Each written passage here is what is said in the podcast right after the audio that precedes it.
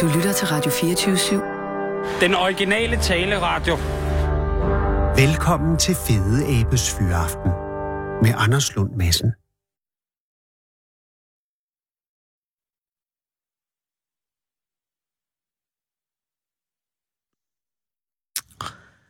Øhm, kære lytter, som du jo nok er klar over, hvis du hørte programmet i går, så blev en del af vores land ramt af en massiv strømafbrydelse, netop som vi sendte, hvilket jo betød, at mange i denne del af landet ikke var i stand til at høre programmet, medmindre de jo havde en batteridreven transistor. Og øh, det er jo de færreste, der har det. Det var Bornholm men der var andre ofre for den strøm. Karsten, Goddag, Carsten. Det er Anders Lund Madsen fra Radio 24 i København. jeg kan lave lige et øjeblik. Ja, det er i orden. Så er jeg herinde. Jeg skulle lige have skruet lidt op. Ah, det giver mening. Øh, tak fordi jeg må ringe, Carsten. Ja, det var helt i orden. Og du er godt hjemme igen. Jeg har gjort hjemme af jer. Skal jeg snakke Bornholm, skal det fint. Øh, øh, det, hvad du foretrækker, Carsten, jeg forstår det hele. Så snakker jeg lige Bornholm. Det er så fint. Øh, er du i Kirkeby nu? Nej, jeg er uden for Kirkby. Jeg bor på landet. Ah, og øh, er, du, øh, er du i arbejde? Altså stadig? Nej. Eller er du, er, du, Nej. er du pensioneret? Jeg er pensioneret, for det er 10 år siden. Men inden din pension, øh, der bet- beklædte du et erhverv, som var sikkerhedsrelateret. Er det ikke korrekt? Jeg har jo været sikkerhedsrelateret brandmester på lufthavnen, ja. Du er brandmester på Lufthavn, eller var? Ja. Og det er jo en, altså inden for øh, brand og redning, som man siger, er det jo en af de, for mig at se i hvert fald, fineste øh, stillinger at beklæde. Fordi at det er jo i Lufthavn, Ja, så du skal kunne lidt af hvert. øh, meget lidt ved, og det skal være meget hurtigt. Præcis. Og øh, har der været i din aktive tjeneste øh, i, i Lufthavn i Rønne øh, episoder, hvor du har måttet øh, træde i karakter? Ja, det har der nogle enkelte gange. Har der været øh, ildløs lige frem i, i Rønne? Øh, nej, man kan dødsfald har der været. dødsfald, øh, ja. men det har været i forbindelse med flyvning, eller... Ja, Mille, jøsses, hvornår døde der folk? Der er ikke styrtet noget på Bornholm, vel? jo, der var en lille... Der var en lille tomotors. Øh, ja, det kan jeg ikke huske. Det er en hel del år siden, øh, nyheden ægte, der kom fra Sverige, der styrte ned i skoven. Og der, blev var- dræbt. og der var I involveret i redningen? Ja, Jeg var ikke på arbejde dengang jo. Nå, okay. Men alligevel. Der, der er vi senere på Street, der gik ned i Eksland på lufthavnen. Der var jeg derude. Han, Og var der også Jo, dødsfolk ja. der? Ja.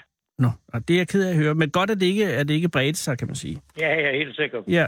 Men øh, du, stop, du stoppede for 10 år siden, men, men ja. Ja. stadig har man vel, selvom man er pensioneret brandmester, øh, altså man har agt begivenheden i, i, i behold, tænker jeg, når man har haft en lang karriere, hvor det gælder om at holde øje. Der er jo selvfølgelig om, men det er jo ingen tvivl om det. Og, og kunne du bruge det under episoden i går? Ja, det kan jeg sagtens, for det altså, jeg er gammel røgdykkrav, så det er bare slap på, så siger jeg, der sker jo. Ja, det har du ret i. Hvad skete? Kan du forklare, kan du tage os igennem? Øh, altså, du var øh, på Bofa, Bofa, som er Bornholms affalds- øh, eller renovationsorganisation. Øh, organisation. øh, du er på Ja. deres affaldsanlæg i Åkirkeby i går, ikke? Ja, en af dem, de, der er jo 4-5 stykker herovre. Åh, og er det... Okay, så øh, man kan få en, en telefonnummer, når man søger om det, så kan man komme derind døgnet rundt til den er øbemandet. Og er det, er det en at aflevere, hvis man ha- skal have noget af med noget, der skal brændes? Eller er det, er det en reel genbrugsplads? Det, det leder det hele. Ja vel. Der er fældecontainer og alt muligt. Jo. Så, men man behøves ikke at, øh, at være der i de bemandede timer, hvis man har nummeret. Nej, nej, du kan komme døgnet rundt he- øh, hele øen. Det er jo rigtig smart. Ja. Og øh, hvad tid var du derinde i går? Ja, men Jeg tror, jeg var derinde lidt før fire. Aha. Og det er jo lidt uheldigt, fordi det er jo øh, 16.26, at strømmen går, ikke? Nej, jeg tror, jeg gik lidt før, men det kan jeg ikke huske tidspunktet. Det er også under det. Det er i hvert fald lidt, og lidt over fire. Ja. Og- Men i hvert fald, når- når jeg skulle ud igen, så var der ingen, der virkede. Jeg ringte tre-fire gange. Hold da op. Og hvad, altså, hvad, hvad var du inde og aflevere, kan jeg spørge om det? Jamen, jeg havde noget brænge på anhængeren og træerfælde, sådan noget pap Ah. ah. i bilen, som jeg skulle med. Jo. Okay, så det var, og det havde du fået afleveret, da, da du ikke kunne... Ja, det havde du. Ja, ja, for det var, på- så kører man, ringer man op i til bogfæren, så åbner porten nu. Ja. Men det gjorde den ikke. Det gjorde hun ikke, nej. Og så, jamen, så går jeg ud når efter og ringer tre-fire gange, og så jamen, siger der kalde sin, altså man kan kalde til bogfæren. Og Mhm. der står Jeg kan holde i ventetider. Jeg kaldte nogle gange, så tænkte jeg sidst hjem. Enten, enten ja. den er galt med strømmen, eller om min telefon går ud til øve. Altså, et af delene var det, der sker jo. Men har du, hvornår har, får du først tanke, eller hvad er den første tanke, du får? Har du nogen fornemmelse af panik? Du er jo fanget Nej, nej, inde nej, nej, på en slet. genbrugsplads. Slet ikke. Okay, så du er rolig? Ja, ja, der er ingen grund. Mm-hmm.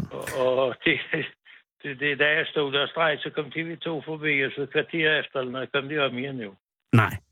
Så Staffan han spurgte, han måtte tage et billede og sagde, det må du godt. Men hvis jeg står her om tre timer, så må du godt komme med lige meget af. jo." Men, men, men, men det, hvordan vidste TV2 Bornholm, at du var fanget derinde? Stationen ligger lige 300 meter eller 200 meter fra stationen genbrugspladsen. Okay, sværere journalistik er det heller ikke. Så de kører lige hen, Nej. og så ser de dig og spørger, om vi filme dig. Du er fanget inde øh, af, af strøm, Ja. strømbruddet. Ja, ja, ja, Og du indvilger selvfølgelig. ja. Ja, ja. der er jo ikke andet for. Du kan jo heller ikke rigtig undgå det. Nej. Øh, og, og, øh, og kører de så væk igen, efter at de har filmet dig? Ja, ja, vi svor en slud over et øjeblik, og så kører han væk igen jo. Jesus. Og, og øh, har han han nogen... Øh, hjul- øh, siger han noget om at, at, at, at, at finde hjælp eller noget? Eller, eller? Ja. Ja. Ah, Vi, vi prøver altså normalt det er sådan nødporten åbner, når strømmen går. Ja. Hvis det er nød, så skal døren lukke, men strømmen skal slå fra, så man kan åbne den manuelt. Det kunne man ikke med den her. Det er heller ikke en branddør, det er en port. Det er en port. Og vi prøver at trykke på øh, nødåbningen, men der var ingen, der virker. Så sagde jeg til ham, ved du hvad, jeg ringer til min døtter, så ringer hun lige nummer til Bofa. Og- Og det fandt hun, så, så ringte jeg til Bofa, og så sagde de, jeg kan, vi har kontortid mellem 8 og 16. Tak for i dag. Og så, Nå, der må tankerne melde sig, øh, Karsten. nej, men så tænkte jeg, så går jeg rundt på pladsen og siger, om jeg kan finde et telefonnummer, og Ah, jeg kan ringe til. Men et det kunne nødnummer. jeg ikke. Jeg skal lige høre, har du nogen form for, øh, for- for plejning med i bilen? Har du vand? Har du mad? Har du noget? Nej, nej, det har man ikke. Når man kører derop. Nej, det er det, man ikke. Man er jo ikke forberedt på det.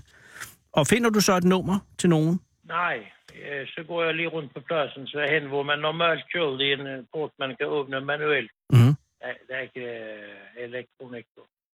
Åh. Jamen, så kan jeg sige, der var låst på, så kan jeg åbne den ene fra. Ja. Og så, jamen, så kan jeg køre ud.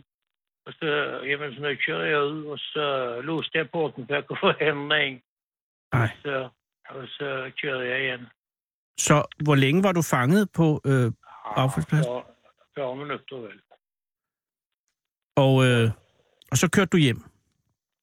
Ja, ja, og så, og så om morgenen så ringte jeg til Buffe. Jeg skal lige høre, Øh, men Carsten, ja. jeg skal lige høre, når du kommer hjem, øh, sørger du så for at debriefe med familien? Jamen altså, min døtre var hjemme, og dengang jeg kom hjem, så var hun faktisk ved at starte bilen for at køre op og se, om jeg stadig sad der. Ja, hun har jo været øh, lidt øh, opskræmt måske. Nej, det var hun ikke. Nå, nå, Altså, nå. no, no. jamen det, altså havde jeg ikke kommet ud, så havde jeg planket den, så havde jeg klatret over hanen. Jamen Carsten, du er jo øh, pensionist. Ja, ja, men man kan stadig leve jo. Nå, det er jeg glad for at høre. Men, øh, så hun var ikke nervøs. Hun tænkte bare, hun kører Nej. op og henter dig. Ja, hun, Ja, ja, ja. hun nu må være voksen selvfølgelig. Ja, hun er voksen, ja. Ja, ja. Men, men sørger du for at tale oplevelsen igennem med hende? Så det ikke Nej, sætter altså, sig? Det, nej, nej, men der er jo ingen, der er ingen panik i det Nå, der. Der er jo okay. ingen skræmmende. Nå. Det, er jo kun, det er jo kun fordi øh, TV2 tilfældigvis kommer forbi, Jo, jo. at det kommer ud. Altså, jamen, det er sådan en oplevelse. Det er ikke sjovt, fordi jeg, kan, jeg kunne kun grine af det jo. Men du ringede til dem næste dag? Ja. Og får, kommer der så en formel undskyldning fra dem? Ja, ja, det gjorde det, og jeg var meget glad for chefen, når jeg ringte. Og de Ja. ville så gå og køre på sig på, så nok ændre nødprocedurer jo. Ja, det er jo det, man lærer af sådan en, øh, en situation der, at, øh, at, øh, at når man stresstester systemerne, så, så finder man fejlene. Og samtidig så, så har han, øh, har han siddet på TV2's hjemmeside, og der er halv fem eller deromkring. Mm. Og så har han gået ud og startet bilen for job, så jeg stadig sad på, på pladsen. Ah, Men det var jeg væk jo. okay, så de havde vist øh, en form for initiativ fra Bofors Ja, ja. side. Og en time efter, tror jeg, så ringte der en anden, jeg ved ikke, jeg kan ikke huske, hvad han hed, Aufer til Bofa. Aha. Og undskyldte mig, at han havde afkørt op og set, om jeg stadig sad der. Så der var to fra Rønne, der kørte til Jackby for at se, om jeg kom ud. Den ene sidste har nok været fra kommunikationsafdelingen, kunne jeg forestille mig. Ja, sikkert nok. jo. Det er nok var sådan nogen, lige som er ved- bange for en shitstorm. Og de blev beklaget meget og ville så køre på, så få den procedur ændret. Hver sammen så lavede skilt, så det folk bliver henvist til den andre porten, så man kan se nødåbne- og nødåbningen. For der er jo garanteret nogen, der har gået i panik. Ingen tvivl om det jo. Havde du ikke været brandmester med den erfaring, øh, så kunne du let også måske have blive lidt, lidt febrilsk, ikke? Nej, det tror jeg ikke, ikke mig, men mange Nej, ikke andre. dig, men, men havde det nu været en ung øh, kvindelig bibliotekar? Jo, jo. Men jeg har da snakket med nogle damer om, at de sagde, at vi har gået i panik, når jeg stod ingen på porten. Det er jo det. Så sagde jeg, jamen det, er- der er ingen grund til at være panik, altså, fordi Jamen, Man der er kommer aldrig ud. grund til panik, men man kan godt gå i den alligevel jo. ja, ja, der er masser af plads jo, men man kan bare gå rundt og hygge sig. jo. Benyttede du lejligheden til lige at tage et par ting med hjem? Nej, nej, det gjorde Det jeg må ikke. man jo ikke. Men det skal man jo Nej. heller ikke. Nej, nej, altså. Nu, jeg, har, jeg har nok hjemme, når man bor på landet, så har man nok på sandet. jo. Det er ikke engang løgn. Men, men, men Carsten Ibsen, er det så, nu er du øh, her et døgn efter, øh, så alt er godt igen. Ja, ja, ingen problemer der. Det er jeg meget glad for at høre. Og hvor lang tid varede øh, strømoprydelsen for øen? Jamen her, hvor jeg bor, der, og vi fik ikke strøm før 20, 9, 4, 5, 6, 7. fordi Vi har manglet 5,5 timer cirka. Hold da kæft, det er meget. Og, Jo, øh, jo, men altså, og- og, hvad sommer, for altså, hvis jeg har jo fyre, Ja. ja. her på landet fyre med, med mit korn, og hvis det, der har jeg nødstrøm, så jeg kan sætte til, øh, hvad hedder det, fyret, så jeg kan altid få varme. nå ja, så men, de men, får men lys. hvad med strøm, der skal drive liv, livsvigtige apparater? Ja, men øh, der kan vi sætte lidt sterilister. Jeg har ingen livsvigtige apparater, der skal bruges. Så du havde ikke, altså der, der var ikke optræk til panik heller ikke hjemme i, om aftenen ved strømmen. Nej, nej, Nej. nej. slet ikke, slet ikke. I, er- I er rolig som klipper. Ja, ja. Hva- Har der været nogen, altså jeg kan forstå, at det var et træ, der væltede og rev ja. Ja. nogle, nogle ledninger ned, og så var der ballade ja. med det. ja. Har der været nogle beretninger ude for øen om, om folk, der har været i krise, udover din Ikke, episode? ikke, mig, ikke mig bekendt. Nej, så vidt jeg også kan se, er, er, det, er det dig, der ligesom har det ene. Ja, ja, ja. Det er også noget. Ja. Og jeg er glad for, at det er i orden. Har du nogensinde været bange, Karsten, i hele dit liv? Nej, altså, det er altså, når, når der falder en flår ned, man kører ud, så, så pumper adrenalinen, indtil man kommer frem og i gang med situationen. Ja. Så falder det hele på plads igen, og så er det normalt igen, så arbejder man ud fra det, og vi går videre. Det er, øh, det er imponerende på mange. Så du har ikke den reelle øh, afgrundsdybe redsel øh, og den panik, der kommer lige bagefter, har du ikke oplevet endnu. Nej, nej, nej, nej. Hold da kæft. Det er imponerende, og det er dejligt. Og det var, du var den rigtige mand. Skulle nogen fanges af en affaldsstation, øh, station, så er det dig. Ja, det er muligt. Er der en flaske på vej fra Bofa? Ikke at jeg har hørt noget. Nej, men man ved det aldrig. Man ved aldrig. Man nej, ved nej. aldrig, hvad der sker. Men altså, øh, tak fordi jeg måtte ringe, og godt du er ude igen. Jamen, det var helt i orden. Og øh, at øh, en rolig aften i aften, strømmen er tilbage, der er ikke nogen... Øh, alt er, som det skal vi, være. vi, vi skal ud, jeg har et glashus i haven, vi skal ud og grille et eller andet her om et øjeblik. Og der er heller ikke noget øh, afbrændingsforbud længere. Nej, det bliver ophævet uh, på mandag, tror jeg det var. Perfekt. Hvad skal I grille? Det ved jeg faktisk ikke, fordi min døtter, der skal grille, så jeg ved faktisk ikke, hvad vi skal have. Ved du hvad, i aften skal du bare tage det roligt.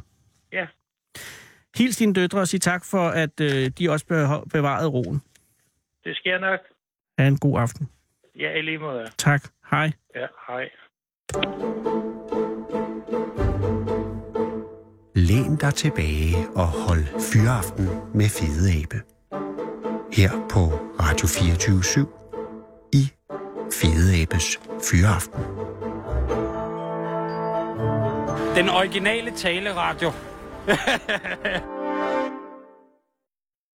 Velkommen, kære lytter. Det er i dag den 29. august 2018, og det er i dag 75 år siden den tyske beslettelse, besættet, besættelsesmagt, de dumme svin, iværksatte Operation Safari med det udtrykkelige formål at napse den danske krigsmaskine. Officielt var meningen at opløse den danske hær og flåde i kølvandet på det navnkundige augustoprør i 1943, hvor den danske besatte befolkning om sider og under inspiration fra kammeraterne i Odense, hvor de skulle altid have været længere fremme i skoen, når det gælder folkehed. Det er jo næppe tilfældigt, at Kim Larsen flyttede til byen, da han flyttede fra hovedstaden, rejste sig mod de tyske nazister og sagde stop til de foregående tre års såkaldte samarbejdspolitik, som i virkeligheden betød, at de danske magthavere bare lige lidt lod som om, at de var enige med nazisterne på den her lidt tavse måde, hvor man ikke rigtig siger noget om noget, i håb om, at de store drenge i skolegården ikke lægger mærke til, at man findes, og hvis det indbefatter, at man indimellem får en flad om at aflevere sin løbstejsmad, selvom man måske gerne selv ville have haft den, så er det sådan, det er, for alternativet er måske endnu værre, og hvem siger, at det der med at stå op for sin mening i virkeligheden er så fedt, som de synger om i alle sangene. Men altså, i august 1943 fik nogen i det her land altså om sider nok og nedlagde arbejdet og lavede ballade i ga- gaderne.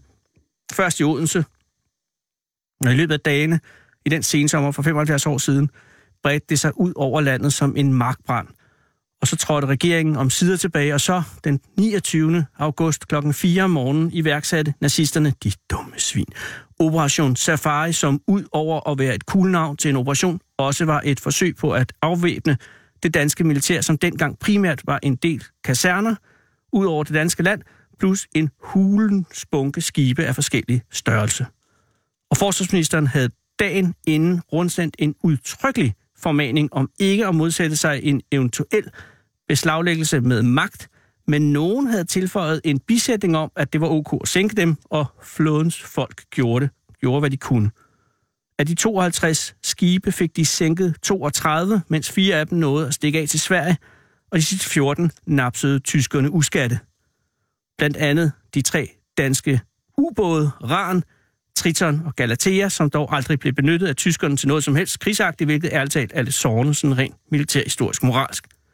Men det var fotografierne af de sunkne krigsskibe ved Holmen i Københavns Havn, der om sider overbeviste den frie verden om, at Danmark var på den rigtige side.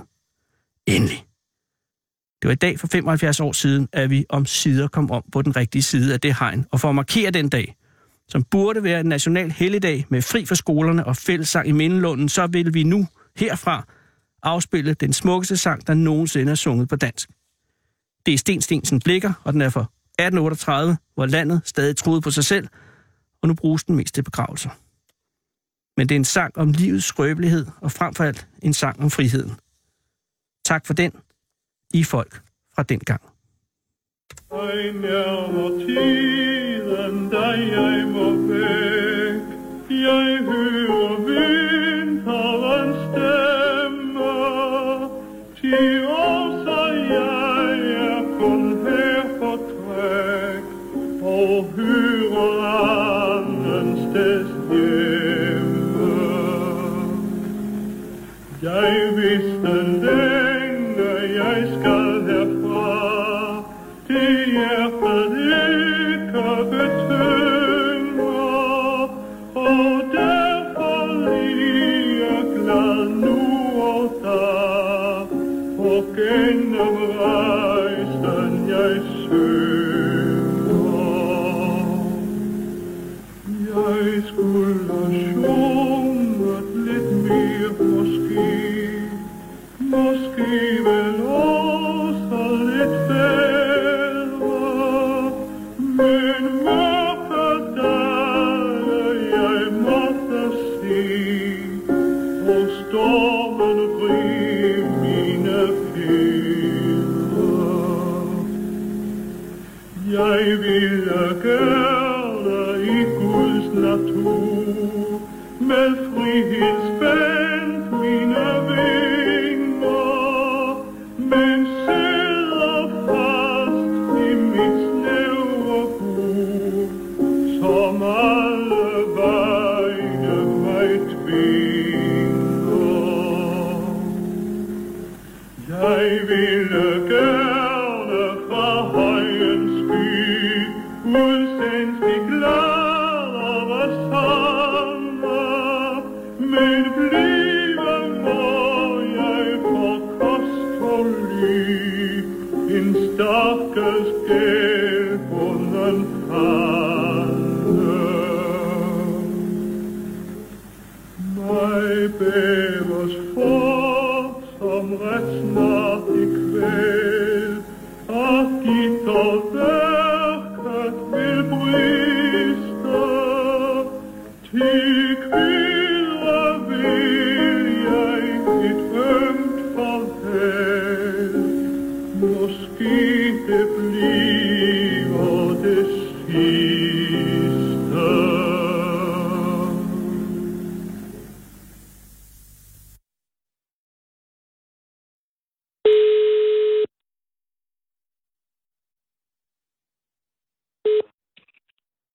Leila? Hej Leila, det er Anders Lund Madsen fra Radio 24 i København. Ja, hej. Hej Leila, tak fordi jeg må ringe. Jamen, det er helt i orden. Men, men Leila, er, er du midt i noget nu? Altså, hvis du lige kan vente tre sekunder, så skal han en kage ud af ovnen. Det skal du gøre. Hvad er det for en kage? Det er en banankage. Oh. Sådan der. Men kan du gøre det, mens du taler i telefonen? Selvfølgelig kan jeg det. Du Men ved har du... godt- Jo, ja, jo, men jeg tænker lige, to hænder er klogest til en, en, Men der kører du så kagen ud med en hånd, som man siger. Nej, det gør jeg ikke. Men hvordan kan du så jeg, tale? Har du handsfree? Jeg, sæt- sæt- jeg sætter nej, det har jeg heller ikke. Multitasking, du ved godt, det er kvinder kan. Jeg ved det, men, men du skal have stadig kun to arme jo. Jamen, det er rigtigt nok. Men hvis jeg nu tager og sætter telefonen op til kinden, ikke? Ja, den er med på men Trækker det. skulderen lidt op, ikke? Så hænger den der. Og så kan du begge køre... arme fri.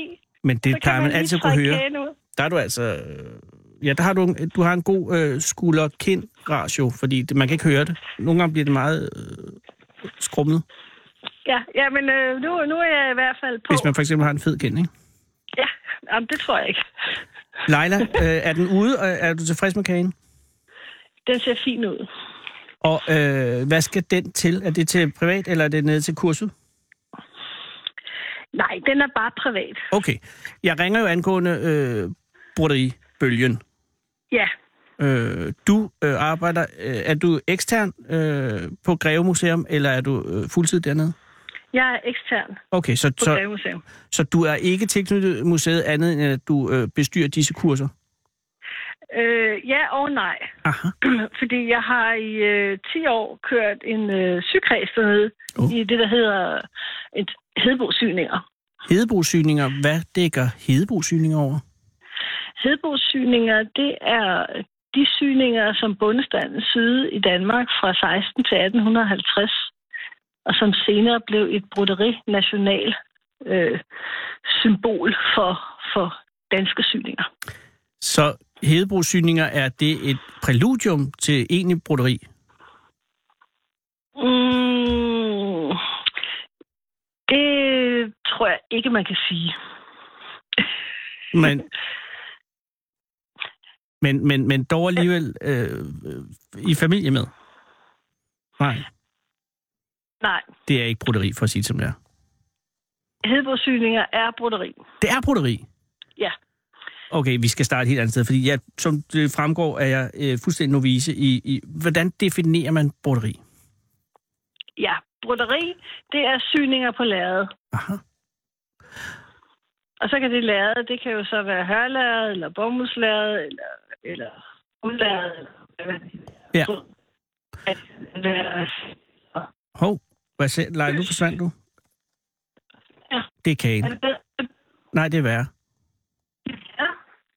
Le- Leila, er, er, du, øh, er du gået ind i et andet rum eller noget?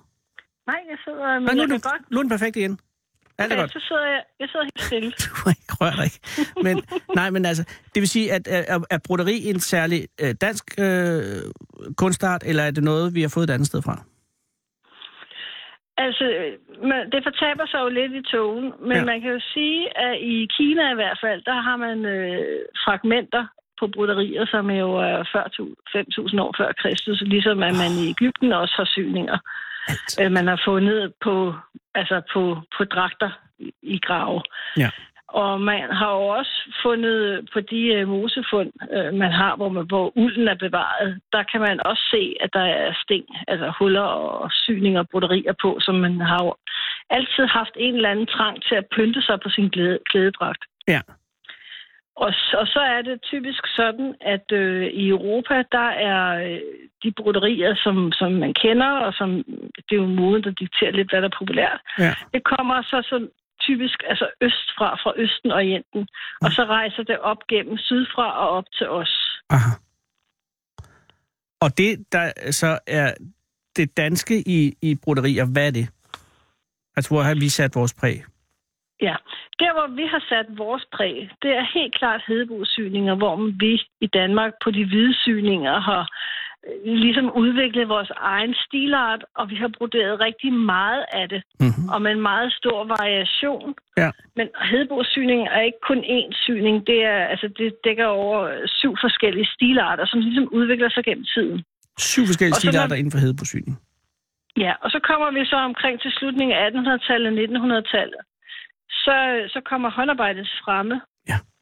Øh, og korsningsbroderierne, og de er også banebrydende faktisk i hele Europa, og de bliver stadig eksporteret til Japan og Australien og USA. Øh, og det er fordi, de bryder med det, som der var populært, hvor man udfyldte hele lærredet, mm. Mm. hvis man tager korstingen, Ja. ja. eller det halve korsting som strammer. Det vil sige, at... Okay. Ja, undskyld. Mm.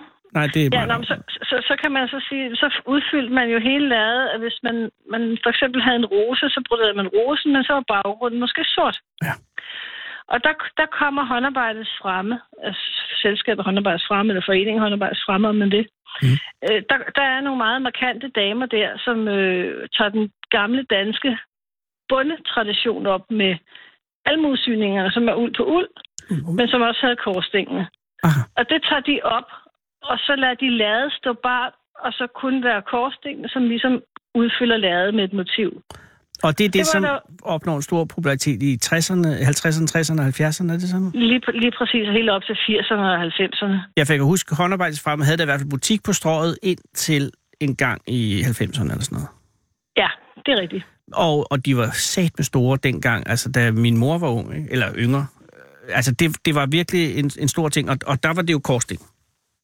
Ja, men det var ikke kun korssten. Nej, de men har det var- også haft andre syninger, men de blev kendt for korsstenen. Det er rigtigt, det var Og de blev jo også branded. kendt for det, fordi at nogen synes jo, at det var noget, noget råd, og det var noget spild af lærredet, at man ikke udfyldte det hele. Ja, Altså, det var traditionen, som Berlinerbroderierne, man kender sydfra. ja, ja. Men, men, men, men øh, det var jo lige netop det, der gjorde dem særlige. Det var det, der gjorde dem særlige, og det var det, der gjorde dem populære.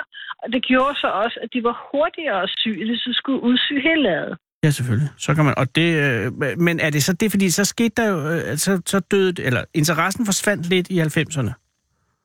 Ja, det ved jeg ikke. Altså, det var jo nok mm. de gamle, der døde. Mm, Jeg ved, ikke- jeg vil ikke sige, at interessen forsvandt, fordi at, at- at det gik ligesom over og blev nogle mere sådan frie syninger. Uh. Og, og man kan sige i, i 70'erne, altså man, man gik ligesom, lig- ligesom med strikken, at man havde, fik hønsestrik, så fik man også altså sådan nogle frie, man skulle selv, man skulle ikke være bundet af det der med, at der var nogen som en kunstner, der havde tegnet et forlæg, og så skulle man sy med det stof og det tråd. Nej. Så man gik ligesom over og, og begyndte at lave lidt sit eget. Ja. Og det er jo ligesom resten af, af kulturen i den tid. Altså, de nye regler er, at der ikke er nogen regler. Ja, Ja. Men, men det, løb, det løb jo også ligesom ud i sandet, øh, andre steder i hvert fald. Ja. Det Ja. må det også have gjort inden for broderiet. Altså, det, det har haft en, en stillstand, men altså, det har jo aldrig stået helt stille alligevel. Fordi Mhm. mm-hmm. der har jo, altså, jeg vil sige, det er lidt ligesom, man siger, at strikken står stille, men ved du hvad, folk sad altså bare hjemme og strikkede i stuerne, i stedet for at gå i strikcaféer. Ja, det er du nok ret i.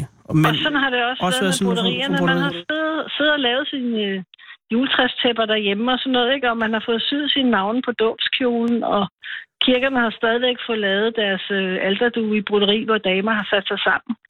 så når man, når man taler om en broderibølge nu, så er det virkelig en af mange bølger. Eller men er jeg der, til, er der tale om en reel bølge lige nu? jeg, synes, jeg, synes, jeg synes, der er en interesse også for unge mennesker, også for, hvad skal man sige, helt unge mennesker, helt ned til 10 og 12 år. Hold da op. Jeg kan jo forstå, at nogle af dine kurser er ekstremt velsøgte. Det er rigtigt, ja. Altså, Mhm. mm-hmm. der, der, altså ifølge Sjællandske, øh, så er der jo f- altså op til fem års øh, ventetid. Jamen, det er rigtigt. Altså, på øh, det hedebosyningskursus, jeg har nede på Greve Museum, Ja. der er mellem to og fem års ventetid. Øh, Hold men vi prøver så at kompensere lidt- lidt for det. Altså, fordi det er som regel sådan, det er jo typisk kvinder, der melder sig til, Ja. og så går de ud af holdet, hvis de bliver gravid. eller, eller hvis de øh, måske bliver lidt ældre og ikke så godt selv kan fragte sig frem mere. Altså, er det eksklusionsgrund at blive gravid? Ja. Altså, Det er grov løg. no, nogen melder sig- altså der er ingen eksklusionsgrunde. Nej, okay, men- men der men, man- man, men man synes måske, at det er lidt svært med to små børn, og Ja, så det er klart. sætte en masse søndag og, og lidt med nogle lektier og sådan noget, ikke? Altså, Så man melder sig prioriterer selv man ud? Måske, jamen, man melder sig selv ud, Men ja. der, er der nogen, har du haft eksempler på nogen, hvor du er nødt til at sige, det der, det gider jeg ikke se broderiet. Nu er det ud. Altså Nej, nogen, der har nej. broderet øh, altså, forkerte ting, så må man sige. Nej, Nej, nej, nej, så der er det, ikke- på den man måde er det en, kan- rum, man- det er en rummelig Man kan, øh, kunstner. man kan ikke brodere forkerte ting, og i Nej. øvrigt så Men Leila, så pludselig har du en, der sidder ja. Ja. med et hagekors, ikke? det er et soltegn. så man blev misbrugt. Det er fuldstændig politisk. rigtigt. Og det er ja. Ja. på tide at kræve det tilbage igen. Men Lige præcis, det er et smukt tegn. ja, det er. Og det er bare ja. Ja. stadig så misforstået så mange steder. Ja, Nu vel. Men det er også rigtigt. Men stadig så har du altså de her kurser, eller de her kurser på Greve Museum, og de er øh, altså i denne tid endnu mere søgte, end de plejer at være. Er det, er det at stramme det? nej, det, absolut ikke. Og det har jo noget at gøre med, at foreningen Håndarbejdets Fremme har 90 års jubilæum, Oh. og museet øh, har i samarbejde med foreningen lavet, jeg tror, Danmarks mest besøgte udstilling til et lokalmuseum har haft i år. Hvad er det for en Øh, det er farveflor, hedder den. farveflor? Og den, øh, den halvdelen af udstillingen er stadig på Greve Museum, og Ja. ja. ellers er resten af udstillingen nu flyttet til Tønder Museum øh, i Drøsses Hus. Oh. Men der viser foreningen kunstnere gennem 90 år. Ja.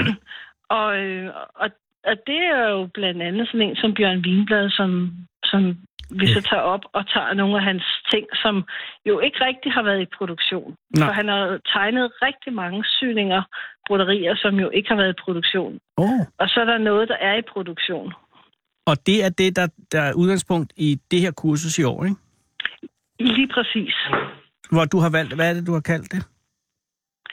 Øh, jeg kalder det bare Bjørn Wienblad. Det er en god titel. Og det er, med, med, med, det er det her design med de fire årstider med damer, ikke? Ja, der har han øh, tegnet fire tustegninger. Øh, Bjørn Wienberg, han er jo sådan, den, han er jo elsket og kendt for sin øh, altså keramik og porcelæn. Ja. Men, men han tegner jo de her sådan lidt finurlige damer. Mm. Øh, sådan, sådan, de her sådan lidt eventyrhumørfyldte farverige og ja, med meget dekorationer og ornamenter på. Og sådan har han også lavet sådan fire. Øh, jeg, vil, jeg vil sige, det er måske pudeforlæg eller vægophæng. Ja. Øh, tustegninger. Det er de f- fire årstider med damer og, og små øh, ja, fugle og ja, sådan ting på, ikke? Ja. Som, man, nu- som han nu er, er kendt for. Lige præcis. Men der er det jo ikke øh, opgaven at, at brodere hele øh, årstiden, vel? Øh, på kurset. Nej, det, det kan man simpelthen ikke nå. Nej, det bliver og, for omfattende. øh, Og, og, og det må vi heller ikke, fordi Når rent at- ophavsretsmæssigt, selvfølgelig. i- ja, foreningen har ophavsret til de her, og der tager man et, øh, hvad kan man sige, et lille fragment, Nå, Øh, man tager her i et for- uddrag, ja. Ja, et uddrag, ja, og der, øh, i foråret, der havde vi øh, noget med nogle blomstergrene og små fugle, mm. og nu har vi noget med en lille blomsterskål med nogle små fugle, der sidder og drikker eller spiser, eller hvad de gør. Og jeg kan forstå ud fra artiklen, at, det, er, hvor der, at der indgår både kontursting, franske knuder og fladsyning. Ja. Er det ikke ret komplicerede øh, broderiteknikker? Det er sådan, at broderi er faktisk overhovedet ikke kompliceret. Nå. Men Men Men intet er ligesom- svært for den, der kan. Øh, nej, men ja, lige præcis, men det er også sådan, at øh, broderi er jo et håndværk, Mm. og, og man øh, skal jo ligesom på en eller anden måde altså komme til håndværket. Ja. Og, og der, der havde man jo i før i tiden, kan man sige, nogle kvalificerede undervisere i folkeskolen. Ja. Øh, I dag, der har man det måske mere arvet ned gennem familien, hvis man kan noget andet end korsting. Ja. Altså, så er man typisk lidt tidligt skadet. Eller også må man ud og finde sig en bedstemor, der kan lære en. Eller gå på kursus hos dig. Eller gå på kursus hos mig. Og hos mig, der kan man komme lige fra man er begynder til man er meget øvet. Ja, men det her øh, aktuelle kurs, det er for, lø- ø- øh, for begynder til let øvet, ikke? Ja. Eller folk, der elsker vinblad. Præcis. Og hvad vil du som rent personligt sige er den mest krævende teknik? Er det kontursting, franske knuder eller fladsyning? Altså umiddelbart vil jeg sige fla- franske knuder. Franske knuder er slet ikke svært. Jeg vil sige, at hvis Nå. man skal lave noget, der er rigtig flot, så er fladsyning nok noget af det sværeste. Okay. Men nu er der ikke særlig meget af det Nej. her i den her vinblad, så det er ikke sådan noget med, at man skal have nogle blade til at passe med en eller anden særlig kant eller noget. Det, det er det ikke. Det, det er nogle små, små enkle sten. Okay. Det okay. meste er, er sådan set lavet i kontursten. Og hvad Men syr, det- I, hvad syr I på? Øh, vi syr på borettesilke Uh. med silketråd. Og er det, øh, ja, det er vel det normale, om man så må sige, ikke? I den- Mm, nej, Nå. Nej, nu, nu er det sådan, at øh, vinbladet lever jo ikke mere. Nej. Og øh, motiverne har ikke Desværre. sådan rigtig været i produktion. Men foreningen har nogle prøveopsygninger. Ja. Øh, og man har, jeg har spurgt mig lidt frem til, at man har lavet nogle prøvetryk tidligere. Ah, Øh, men har aldrig sådan rigtig fået det i produktion. Altså sådan så, hvad kan man sige, så man kunne gå ned og købe et kit. okay. Så, så derfor så har vi noget korrespondence omkring det her, hvor han forsøger at gøre det enklere at sy, og noget synes han var... Ja, altså der er sådan lidt frem og tilbage øh, med forår, og hvor sommer og vinter, og så synes han måske, at den forrige var lettere end den sidste, og sådan Nå, noget. Det er selvfølgelig. sådan lidt sjov, sjov læsning. Så, så Øh, via research har du fundet frem til, at det burde være Borat Silke. lige præcis, fordi ja. det er det, som udkastet var, som er det, der er opsyet. Ja, ja. Ja. Dengang, der levede han jo. ja og det må være ham, der og ved det. det vil sige, ja, og det, det står ikke, der er ikke nedskrevet noget, så vi kan ikke se nogen af hans tanker omkring det. Men vi kan se, at der har syet de her op, og det fortaber sig i togen, hvem der har syet det. Ja. Ja. Men det er syet fantastisk flot, så det har været nogle dygtige sydamer, foreningen har haft på det tidspunkt. Ja, det kan du regne med. Det starter Øh. kurset den øh, 3. september. Øh, nej, det er tilmelding. Nej, undskyld. Tilmeldingen er senest 3. november. Er, er, er, hu- er kurset allerede overtegnet? Nej, det er ikke overtegnet nu. Ikke øh, da jeg talte med museet i morges i hvert Nå, fald. okay, så der er stadig pladser. Der er pladser, ja, og det starter den 12. december fra 16 til 20 på Greve Museum. Og hvor mange, Kan man ikke hvor mange gange er det? Det er en gang på Greve Museum, og så kan man melde sig til øh, den 2. oktober i Tønder på, i Drøsses hus. Okay, så det her er, kurset er en, øh, en engangsbegivenhed. Ja, Modtaget. Hvor mange er der plads til? Altså, hvor stort er kurset? Hvor kører du med? 12 mennesker. 12, 12 mennesker, ja. Og det er 480 kroner plus materialer. Ja, plus lidt at spise. Og hvad er Mm. det? Er det varmt eller koldt med? Det kommer an på, hvad caféen finder ud af. Der er en fantastisk dygtig cafévært nede på Greve, og hun, hun finder på noget lækkert til os. Nogle gange er det varmt, nogle gange er det koldt. Men nu er det Men her. det, det, det er sådan noget, producer altid godt kan lide. Og nu siger du producer. Det fører mig til det sidste spørgsmål, jeg egentlig... Øh, og det er til, er der... Øh, altså, du har selv lige sagt det, så det er lidt overflødigt måske. Men der er ikke så mange mænd, vel? Mm, ikke på kurset, men jeg har da haft øh, mænd, der syr. Ja. Øh, også 1700-tals vester og sådan noget med silke på kurser, men det har været i Køge. Ja. Ja. Og så har jeg haft øh, skolebørn, og der vil jeg sige, der er drengene fantastisk dygtige, Og det er jeg glad for. at indtil høre. de bliver 14 år, og Ja. ja. ligesom får at vide, at, øh, at deres kultur, det må det ikke være. Nej, lige præcis. Jamen, det er det. Men Men det er jo et spørgsmål, er hvis man kan dygtige. holde dem, øh, hvis man fører dem trygt gennem den fase, så kan de jo brodere for livet. det kan de. Ja. Ja. ja. Men det betyder jo også, at hvis man er en mand, som og øh, bare godt kan tænke sig at møde nogle dygtige og, og levende kvinder, så er det jo oplagt at melde sig til broderikurset. At det vil jeg jo nok sige, ja. ja. Øh, jamen, det er bare, fordi jeg meldte mig til yoga engang, og det, det var jo bare en, virkelig en, en, en livsdefinerende begivenhed for mig, fordi der var kun piger. Der er kun piger Ja. ja. det hold. Men det var bare lidt tilfældigt, og så, og så tænkte jeg, bare, hold da op, hvorfor har jeg ikke tænkt på det før? Men der er broderi altså også øh, et, et, et, fantastisk, og man får øh, en, en skøn syssel med i, i, i pakken, og, Ja, og, og et godt og bliver selskab, og man et let ved måltid. længe nok, har man et smukt produkt, man også Lige går hjem præcis. med, ikke? Jamen, jeg har jo stadig øh, alle 12 måneder som øh, dækservietter fra min mors mosters hånd. For ja. Ja. håndarbejdet fremme, det er så korsting, men jeg er meget glad for dem, især i oktober. Ja, det kan jeg godt forstå. Held og lykke, Leila. Ja, ja, der, det behøves du ikke, fordi det kører ligesom det skal, men fortsat held og lykke. Ja. Og det der kurset med, med fem års hvilken tid, hvad er det? Jamen, det er sygkredsen nede på Det er Greve sygekredsen. Museum. Det er på Greve. Og Ja. så det er simpelthen hardcore. Øh, det er inderkredsen, kan man sige. Det, det bliver man. Ja, det er jo det. Det er, der, det er ligesom ja. at være i banditters ledelse. Inden for, ja. Ja. inden for broderi. Ja, så holder man, så holder man ved. Præcis. Ja. Ja, men en dag, en dag vil det lykkes. Øh, ja. Tak, og held og lykke med øh, banankagen. Ja, tak skal du have. Og tak, fordi jeg måtte ringe. Ja, det er i orden. Hej, Leila. Godt, Hej. Hej. Du bliver lige nu fuldt hjem af Fede Abe. I Fede Abes Fyraften. Den originale taleradio. Her på Radio 24 På Radio 24 hvor vi jo sender direkte fra studierne, studiet, lad os da ikke være mere prætentiøs, øh, på Vesterfarmarksgade, hvor øh, vi kigger ud over Danmarks mest befærdede vej, H.C. Andersens Boulevard, som jo forurener i myldretiden næsten lige så meget som et krydstogsskib, som ligger ved kaj nede ved Lange Linje. Ej, nu er de flyttet ud i Nordhavn til de fine. Men det har ikke noget med det her at gøre. Det har noget at gøre med, at Sara under personlig øh, miljøbelastning hver dag går ned på- i, i det her øh, miljøhelvede ned på gaden, for at finde manden på gaden. Og det er 204 programmer siden, at vi startede, og det er aldrig gået galt. Og i dag er det heller ikke gået galt, for her sidder du. Undskyld, at du venter så længe. Eller tak, fordi du vil vente så længe. Hvad hedder du? Jeg hedder Christian. Christian. Er det med K eller C? Ja. Perfekt. Øh, øh, tak, fordi du ville komme, Christian. Selv tak. Hvorhen mødte du øh, Sara? Øh, det var hen i nærheden af stationen. Er Vesterbro? Ja. Var du på vej hjem, eller er du ansat ved statsbanerne? Øh, ingen af delene. Jeg var på vej hen til mit hotelværelse. Nej. Jo. På Merkur? Ikke helt. Men læng, altså, nej, det er også, du er på hotel, det vil sige, du bor ikke her i byen. Nej. Nu kører den journalistiske hjerne. Så er han oppe igen. Ja. Øh, hvorfor øh, er du, må jeg spørge, hvorfor du er i byen?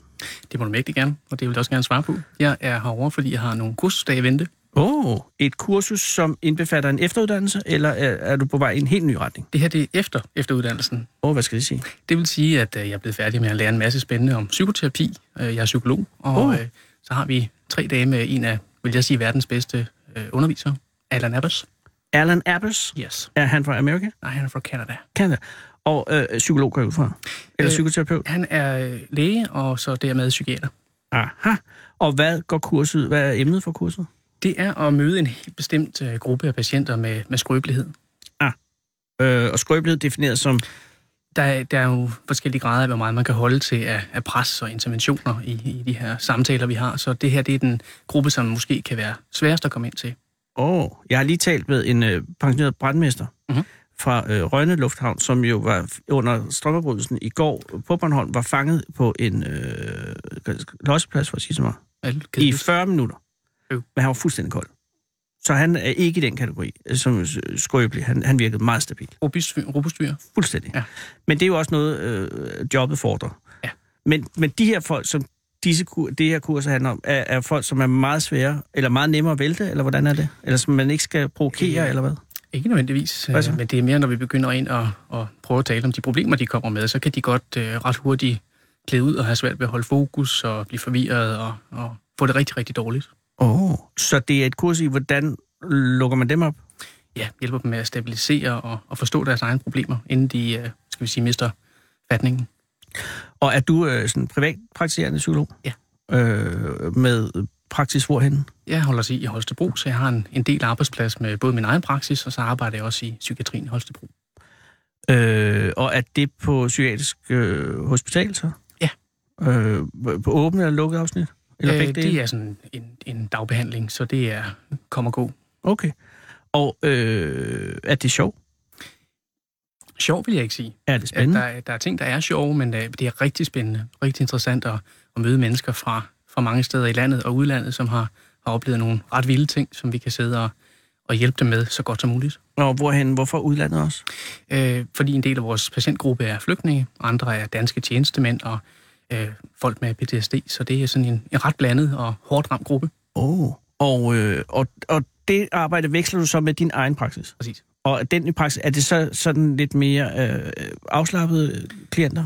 Eller, eller hvordan, Ja, jamen, det, det, altså, hvordan øh, fungerer en praksis for en psykolog? i Det Holstebro? fungerer på, øh, på den måde, at øh, jeg tager dit job ind, som nu, nu kommer de patienter, som gerne vil tale med mig, som, øh, som jo selv skal have midlerne til at, at kunne komme ind og sige goddag, herr psykolog, jeg vil gerne have lidt øh, samtaleterapi. Så Men er at, det øh, ting, hvor du, hvor du, hvor du screener forskellige og siger, det her det, det er ikke noget for mig?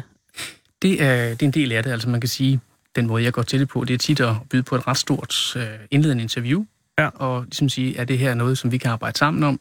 Kan du lide at sidde over for mig som psykolog? Kan jeg bruges? Øh, og egentlig få en rigtig god øh, platform for det. Og er det, øh, hvor ofte er du så nødt til at sige, det her det går ikke? Ja, jeg vil sige øh, en eller to gange om året. Nå okay, det er ikke mere. Nej. Og er du, er du fuldt besat? Øh, Der er rigtig godt besat lige i øjeblikket, ja. Og hvad er det meste, hvad er, for, hvad er det hyppigste ting, du har inde? Eller problemstillinger eller udfordringer? Altså, øh, døren ind er, er jo ofte angst og depression. Øh, Okay. Så man kan sige, det kan jo komme fra mange forskellige ting. Så, Så det, er jo- det er folk, der kommer til at sige, at jeg har angst, eller jeg har en depression. Ja, eller også er de ikke helt sikre på, hvad der egentlig øh, går for os og siger, jeg har et eller andet problem, jeg kan ikke helt definere det. Øh, vil du hjælpe mig med at finde ud af, hvad det egentlig er, det går ud på?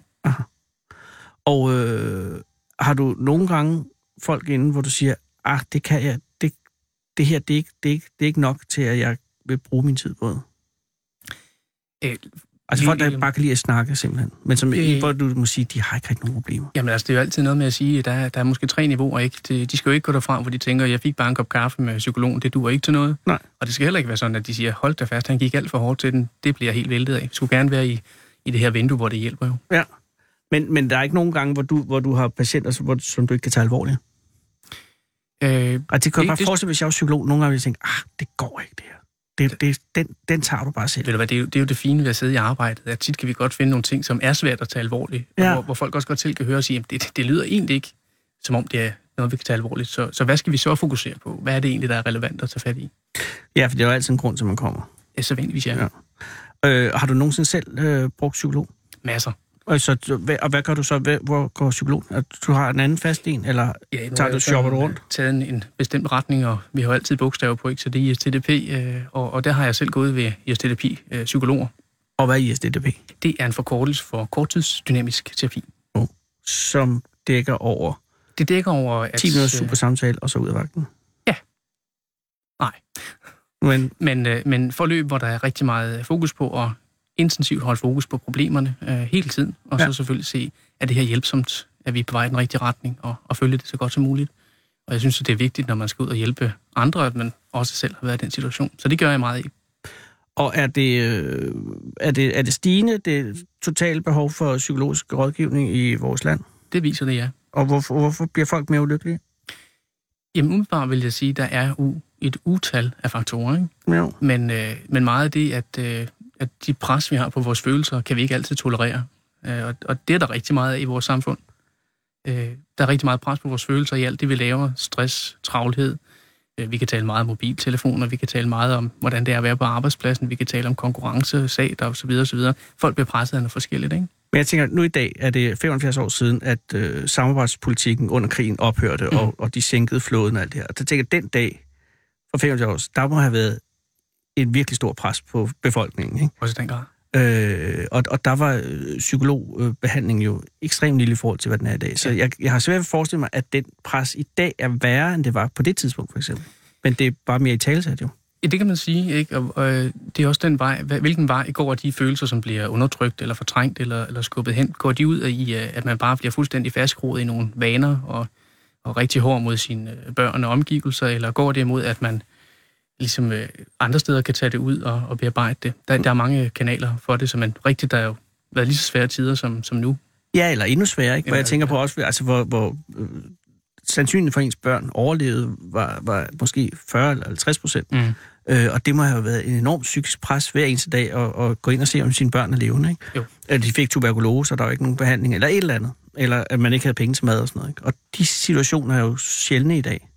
Så jeg tænker, at, og, og stadig må man sige, at det er som om, at, at den samlede masse af bekymring er større i, i Danmark i 2018, end det var i 43. Jeg ved ikke, hvordan man skal sammenligne det. Nej, det ved jeg heller ikke. Jeg ved bare, at jeg kan se, at, at behovet for behandling synes at være vokset. Ja, og også fordi mulighederne vel er, er meget større nu. Ja, ikke? det er selvfølgelig det. Øh, og har du, har du øh, bekymring som psykolog over vores national øh, psykiske tilstand? Jeg vil hellere vente den om at sige, at jeg prøver at bruge mindst mulig tid på at bekymre mig, og egentlig bruge en masse energi på, hvad jeg kan gøre. Det er selvfølgelig den rigtige øh, indstilling.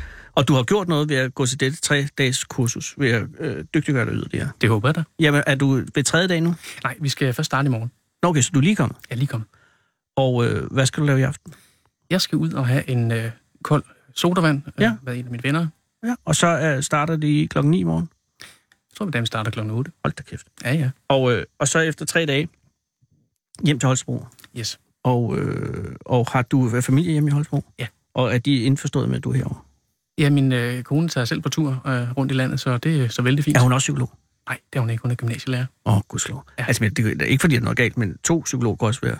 Altså, Så ja, det er det... sprængfarligt, ikke? hvad underviser hun i? Hun underviser i øh, ge- geografi og naturgeografi. Ah, ja, det er go- og gode, solide, øh, jordbundne ja. fag. Så øh, som vi siger, det er hende, der læser kort, og det er mig, der taler om følelser derhjemme. Perfekt. Og er der børn i forholdet? Nej. Og er det... Det... Ikke nu. Ikke nu. Nej, men I har måske lige mødt hinanden. Nej, det vil jeg ikke sige, at vi øh, har været sammen en, en del år. Men øh, så er der tid til at, at gøre disse ting, jo. Ja, nemlig. Øh, øh, jamen, jamen, ja, tak fordi du gider, at der, øh, og, og, og der er åben i praksis, hvis det er, at, øh, at man har behov. Ja, værsgo. Man skal bare øh, ringe først, selvfølgelig. Værsgo. Der er ikke sådan nogen walk-ins. Øh, det, det vil virke akavet, tror jeg. Ja, ja. Jamen, det vil jeg også, det vil jeg ikke gøre. Men hvis der, jamen, ved du, hvad, det er aldrig, der er aldrig galt med en god samtale med et, et forstandigt menneske. Så, så, øh, og hvad koster det? Øh, Altså- altså, det koster 900 kroner i timen. Og det er standard over hele landet, ikke? Ja, nogle, øh, nogle er dyrere, nogle er billigere. Kan man få øh, er der nogen sådan discountpsykologer derude, Naturligvis. der dumper markedet? Ja, ja. Og det skal man ikke gå efter. Men øh, jeg, jeg, jeg var, også- en gang jeg gik til psykolog, kostede også 900 kroner. Ja. Så det, men det er nogle år siden. Så det, du siger, at jeg skal til at stige i Nej. pris, eller hvad? Christian, det, skal- jeg skal ikke lægge din prispolitik, øh, hvis, hvis du er tilfreds med den, og du har jo også øh, det på, på hospitalet ved siden af. ja. Øh, og, så, og, og gymnasiet der, de vælter jo ind i penge. Det gør de. Ja. Ja. Det er fantastisk. Sikkert Ja. ja. liv. Nej, men øh, tusind tak fordi, og held og lykke øh, med kurset. Øh, jeg, jeg håber virkelig, at det øh, hjælper og gør godt. Det gør jeg også. Mange tak. Ja. Øh, øh, hvilket hotel skal du på nu? Jeg skal over på øh, SAS Rottesund. Perfekt. Ha' en god aften, Christian. Tak skal du have. Lige måde. Jeg trykker nu på en skiller. Kom hele landet rundt i Fede Abes Fyraften. Her på Radio 24 Og tøvs, det er det originale taleradio for Danmark. Jeg skal lige her, inden at Christian forlader studiet. Ja, Christian, jeg synes, vi skal lave et selfie. Perfekt. Tak for hjælpen. Ja, selv tak. Og mens Christian øh, forlader øh, studiet, jeg er blevet fotograferet med en psykolog. Mit liv er perfekt. Så, øh, du er psykolog, ikke Christian? Ja, det er fordi pludselig så øh, da god bliver jeg i nok. tvivl om, du er psykiater eller psykolog, men du er psykolog. Jeg er psykolog. Kør forsigtigt. Vi har tid til et minord. Jette Solvid Brødbæk skriver følgende minord om sin mor Edith Jensen, der døde 25. august på plejehjemmet Rosenlunden i Lem efter kort tid sygdom. Min mor Edith blev født den 4. marts 1927 i, Tran- i Trapjær ved Skave, tæt ved Holstebro, tæt hjemme ved Christian, som den yngste i en søskende flok på 10. Hendes forældre var købmandsparet Marne og Jeppe Jensen led, hvis fire sønner alle blev udlært som komier. Edith var hele livet meget knyttet til sin tre år ældre storesøster Esther, som var en lojal støtte for hende. Døtrene fik pladser i huset, for Jeppe mente ikke, der var grund til at koste på en uddannelse, når bare de skulle giftes. Min mor blev undtagelsen, da hun fik lov til at tage eksamen fra Vinderup Realskole og senere nysproglig studentereksamen fra Kolding Gymnasium. Herefter tog hun til England som au pair hos to forskellige familier og fik grundlagt sin livslange passion for alt britisk. Vi fik for eksempel mælk i teen samt toast med jam. Edith havde herefter forskellige kontorjobs, lærte sig stenografering og kunne skrive fejlfrit breve på maskine efter direktørens diktat, så, hun straks kunne skrive, så han straks kunne skrive dem under. Hun drømte om at blive korrespondent i engelsk og tysk, men i stedet fik hun job hos Statens Luftfartstjeneste i Kastrup Lufthavn i 1954 og flyttede på pensionat i København. Det var svært at få en lejlighed, og selvom hun stod på venteliste, rykkede hun ikke op. Den uretfærdighed ville hun ikke finde sig i, så hun mødte op på borgmesterens kontor og påtalte det kort. Efter fik hun tildelt en lejlighed i nybyggeriet på Nordmarksvej. Herefter blev der lukket for, at borgerne kunne kontakte borgmesteren personligt. Den historie har vi grinet meget af i familien. Edith tog mange nattevagter og fik råd til smukke designermøbler.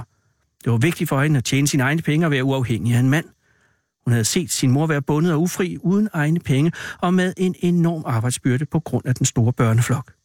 Hun tog motorcykelkørekort, købte scooter og kørte ofte den lange tur fra København til Trapjær på besøg hos sine forældre. Hun gik til ridning, var på ridelejr og tog på ferie i Østrig, både skiferie og sommerferie.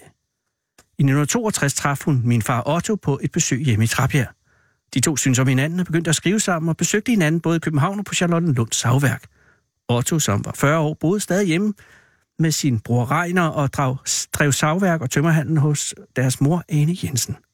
I julen 1963, lige efter jeg var født, blev Edith og Otto forlovet, og i 64 blev de gift og flyttede i et lejet hus i Kravlund, mens de selv byggede hus på en grund i skoven over for Charlottenlunds savværk.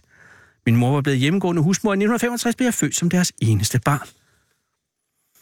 Jeg husker min barndom som god og tryg, da min farmor døde i 1970, overtog min far savværket, og mine forældre sparede og arbejdede hårdt for at betale Ottos syv søskende ud så hurtigt som muligt. Der blev ikke brugt penge på unødvendige ting. Min mor fik tildelt afmålte husholdningspenge hver måned, som skulle slå til. I begyn- begyndelsen gik hun til ridning og gymnastik, og det var meget, og jeg var meget stolt af at se min mor højt til hest. Sygdom og operationsat desværre en stopper for det, og hun blev mere indadvendt. Og her når vi desværre ikke længere i den her omgang, øh, og det er jo et lidt kritisk tidspunkt i, i historien, at det stopper. Jeg kan love, vi får slutningen i morgen som det første, men nu er vi altså 12 sekunder fra nyhederne, og så kommer der AK247, vores store kulturprogram. Jeg er glad for, at de har lyttet. Klokken er 18.